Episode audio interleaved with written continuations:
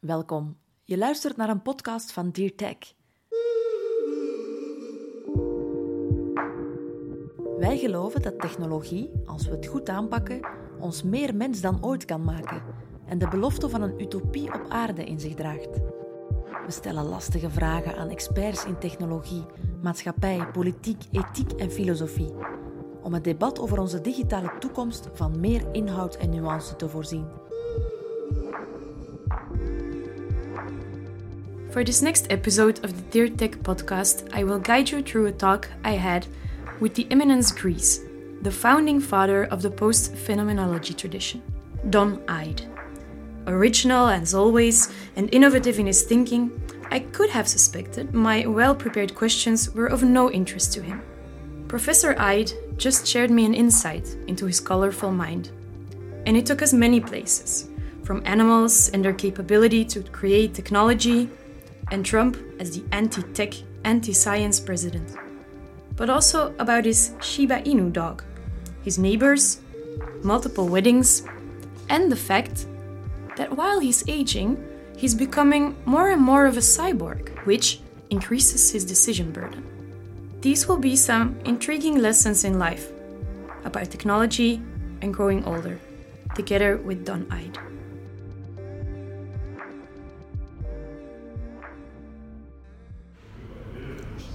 Just go right ahead and. I'll do the best I can. Um, well, I start with the most, uh, I think, the biggest question. They say that you are called the, the godfather of the philosophy of Right. technology, which is quite a name. Um, that you were the first in North America, and that you um, invented or kick-started the post-phenomenology thinking or movement. Um, but this post-phenomenology, it's a very heavy uh, term that doesn't ring any bells with non-philosophers. And I wondered if you could explain, as if I was Actually, uh, the term post phenomenology comes out of my dealing with technology from a phenomenological perspective. And what happened was that as I dealt with technologies, I realized that classical phenomenology, first of all, does very little with technology except with Heidegger. And uh, I, uh, at, at the time back when, I was a sort of Heideggerian. And since that time, I've been heavily disillusioned with his version of, of technology. So post phenomenology was a recognition that, that if you stayed within the limits of that tradition, you couldn't really deal with technologies. So what I did was to say, okay, let's develop a sort of material sensitivity because all technologies are made out of some kind of material.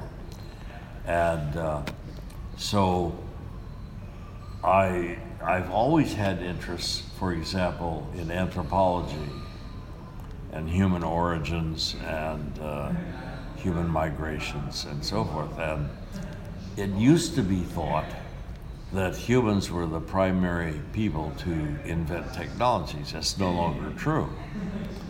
Uh, because in 2015, they found stone tools which had been knapped as the, the you take another stone and you break pieces of this stone Yeah. off to create a tool. And these are dated 3.3 million years, which is at least 700,000 years before the first Homo species appeared. So this means our pre human uh, primates actually preceded us by a half a million years or more in making tools. And this, this was a brand new discovery. I'm going to talk about it tomorrow in my keynote. So, anyway, I now realize that humans actually are latecomers to technology. They adapted technologies, and of course, what humans did with technologies, no animals were able to or, or did. I mean, I, I would like to do a book called Animal Technics in which I look at what animals did do. And it's amazing what they did do because most of, most of what they did was to create tools and technologies uh, which help them find and eat prey. So a lot of it has to do with eating. Like, for example, chimpanzees, which are avid tool users, have been analyzed into having basically 57 traditions of tool making. For example, many, many chimpanzees have a version of an anvil and hammer kind of thing to crack mm-hmm. nuts and tough tubers and so forth. So, what they do is very interesting because there's no indication that animals transfer technologies or technological practices. And that's, that's sort of weird for, for us because we do this all the time. And I can imagine that this knowledge that animals also use technology or produce technology, that this has an impact on our self understanding as people because we thought we were the sole. Okay, look, here's a really interesting example termite hills.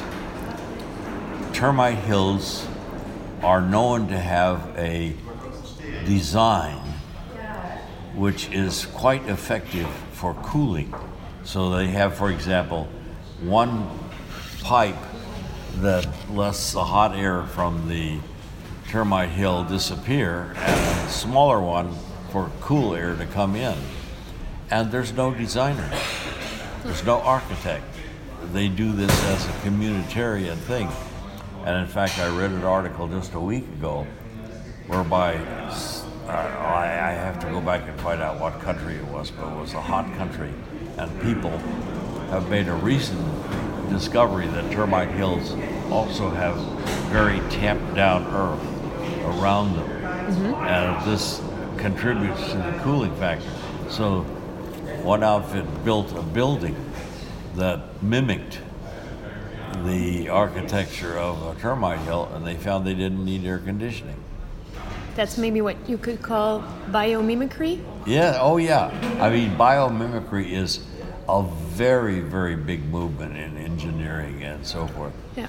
Uh, they have a kind of interesting theory. Their, their theory is evolution solved a lot of problems over long stretches of time.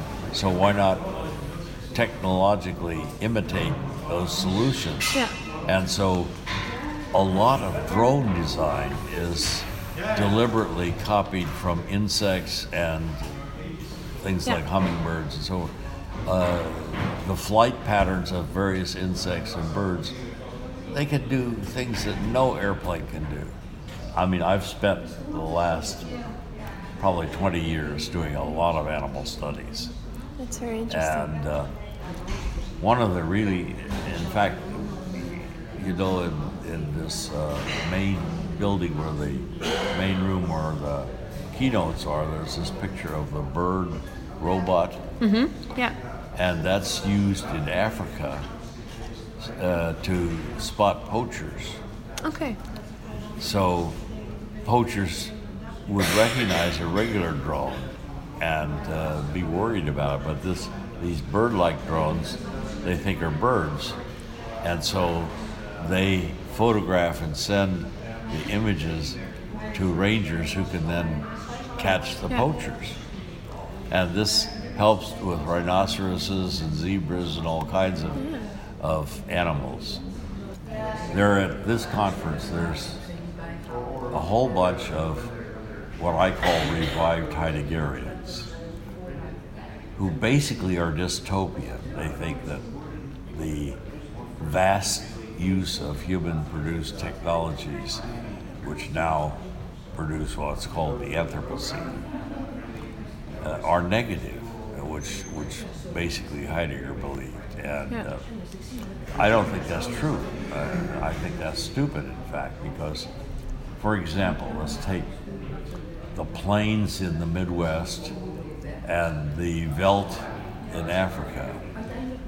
All of these great grasslands are maintained and produced by fire. Mm-hmm. And fire was an early technique that was used by humans to basically create this. And the amount of protein rich grass for animals in these prairie things is what produces the enormous numbers of animals that you see. Yeah. So, how can you say that was bad? Yeah. Uh, I don't think you can say that was bad because, I mean, to generalize and say that it's true that the Anthropocene and the pollution of the atmosphere is basically because of human activity. But now that we're becoming aware of that, I mean, we could, were it not for assholes like Trump, uh, slow down this process or even stop it. Yeah. Also thanks to And, uh, technology. I mean, there, there are enough techniques that we know that, that could do this. I mean, we have to, we have to do it yeah. if we're going to save the planet. Unfortunately, a lot of my philosophy of technology people have already decided that the Earth is hopeless. We got to move to Mars or something like that. I, It's a bit dystopic. uh, that's a pipe dream. I think maybe one question. Um, I read in one of your books that you say that the um, philosophy of technology should renew itself as technologies also change. Well, all one the of the things that I've thought a lot about in recent years is what I call shelf life. Uh, shelf life is a length of usefulness, and it clearly applies to technologies. For example, the longest shelf life technology is an Acheulean hand axe, and all anthropologists agree with this because Acheulean hand axes started to be made 1.8 million years ago.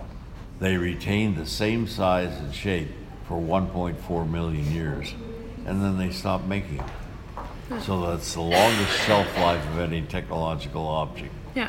period. Look at cell phones. Yeah. Cell phones today are renewed with different technologies every year or two. Yeah. And so now what we have is a very short shelf life technological development, whereas in pre modern times it was very long. Yeah. And like, well, let's take Dutch windmills. I mean, Dutch windmills were around for centuries. Yeah. Now, of course, you have wind turbines, which are different.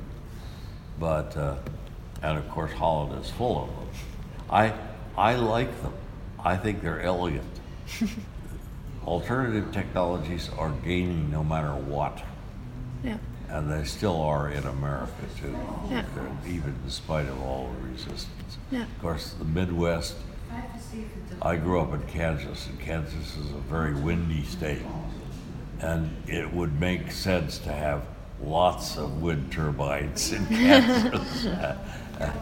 and they do have them a lot in Texas and places that are big, big wind factories, and also beginning to be very big solar producing. But they need to have the systems, smart systems, which will be flexible Yeah. to carry this. And that's that's be, that's, that's like with self-driving cars. You won't really have good, successful self-driving cars until you have smart roads. Yeah. And China actually stole some ideas invented by Americans.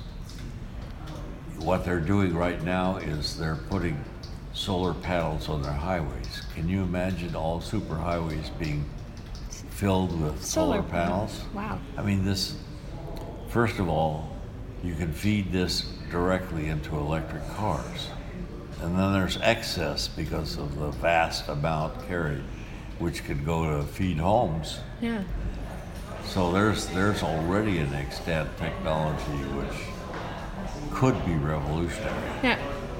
And if the if the shelf life of technologies um, becomes shorter, does technology philosophy have to invent itself faster?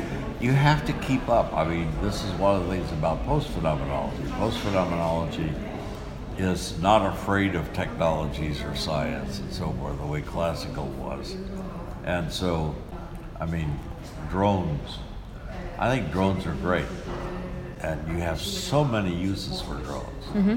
They're now making drones the size of bumblebees for surveillance purposes. That, that's, that's one of the scary things about new technologies is surveillance. I mean, we don't buy smart televisions because smart televisions either send the stuff back to China or they send it to industrialists who want to know what our tastes are. Yeah. Anything we can see and smart stuff can see us, or anything we can hear or say Yeah. uh, can hear us. Yeah. And so, again, philosophy of technology simply has to stay up to Yeah. what the new technologies are. That was maybe like my last question. That what is the biggest challenge in philosophy of technology, or the biggest task that Uh, well, well, I think several things. I mean, first of all, I think we're already underway getting rid of classical philosophy of technology. I think that the old sort of deterministic dystopian stuff is dead. You know, it's interesting because uh, philosophy of technology was very slow getting off the ground. It didn't really start until the 20th century. And then it, uh, I think that philosophers habitually were sort of anti materialistic and anti technology anyway. They, they never were, they tended to be interested in more abstract and transcendental kinds of things and so Yeah. forth. And so uh, the early days of organizations, like, well, for example, philosophy of science uh, is much older than philosophy of technology, and uh, it was it was basically well organized by the 30s. And uh, philosophy of technology didn't really start organizing, taking institutional shape until the mid 70s. And um, for a long time, the, the in North America anyway, the basic society was the Society for Philosophy and Technology, and the leaders of that uh, did not want it to be philosophy of technology. They wanted it to be philosophy and technology and they they actually were very conservative and I was at the first meeting that they officially organized at the University of Delaware in 1975. And uh, it was a very interesting experience because I was asked to be on a panel on Hans Jonas's ethics approach to biology.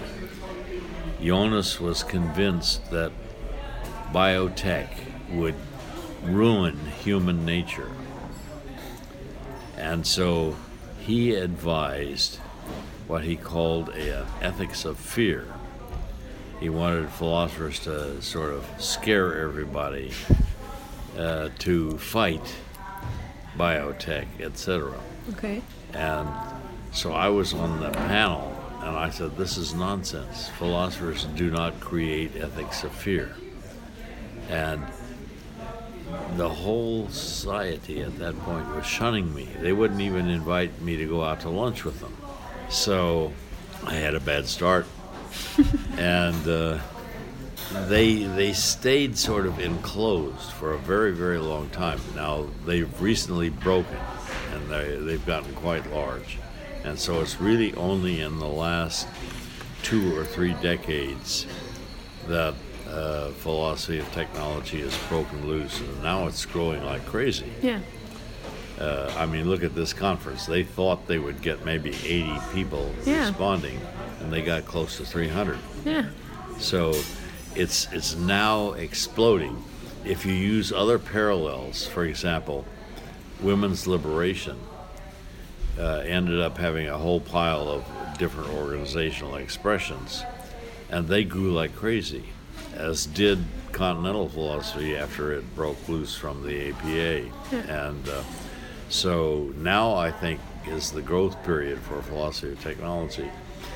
It seems to me kind of absurd that it should happen this way because those of us who do this rec- recognize that technologies are such a pervasive part of our life and our experience, both negatively and positively. And uh, I used to, when I first started doing this with undergraduates, I tried a kind of thought experiment, and I said, I want you to keep a diary of every technological material object that you use during the day for just a day.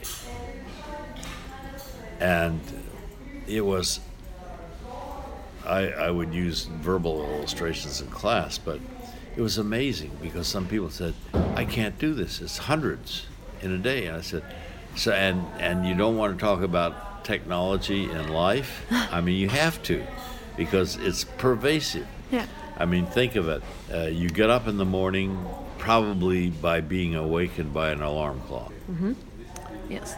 and then you go to the toilet and you engage a vast plumbing system, etc. Then you eat breakfast and you have a toaster and, and so forth. And it, it- no matter what you do during the day, and of course, in the early days, students who were undergraduates, this was way back in the 60s, nobody had laptops. No. So you came in with notes and a pencil and a pen, etc. But now everybody comes in with a laptop. Yeah. So it's So- constant. Uh, so it's it's constant. And what's what's really interesting is the cell phone. The cell phone is sociologists have claimed that 95% of the world's population has access to cell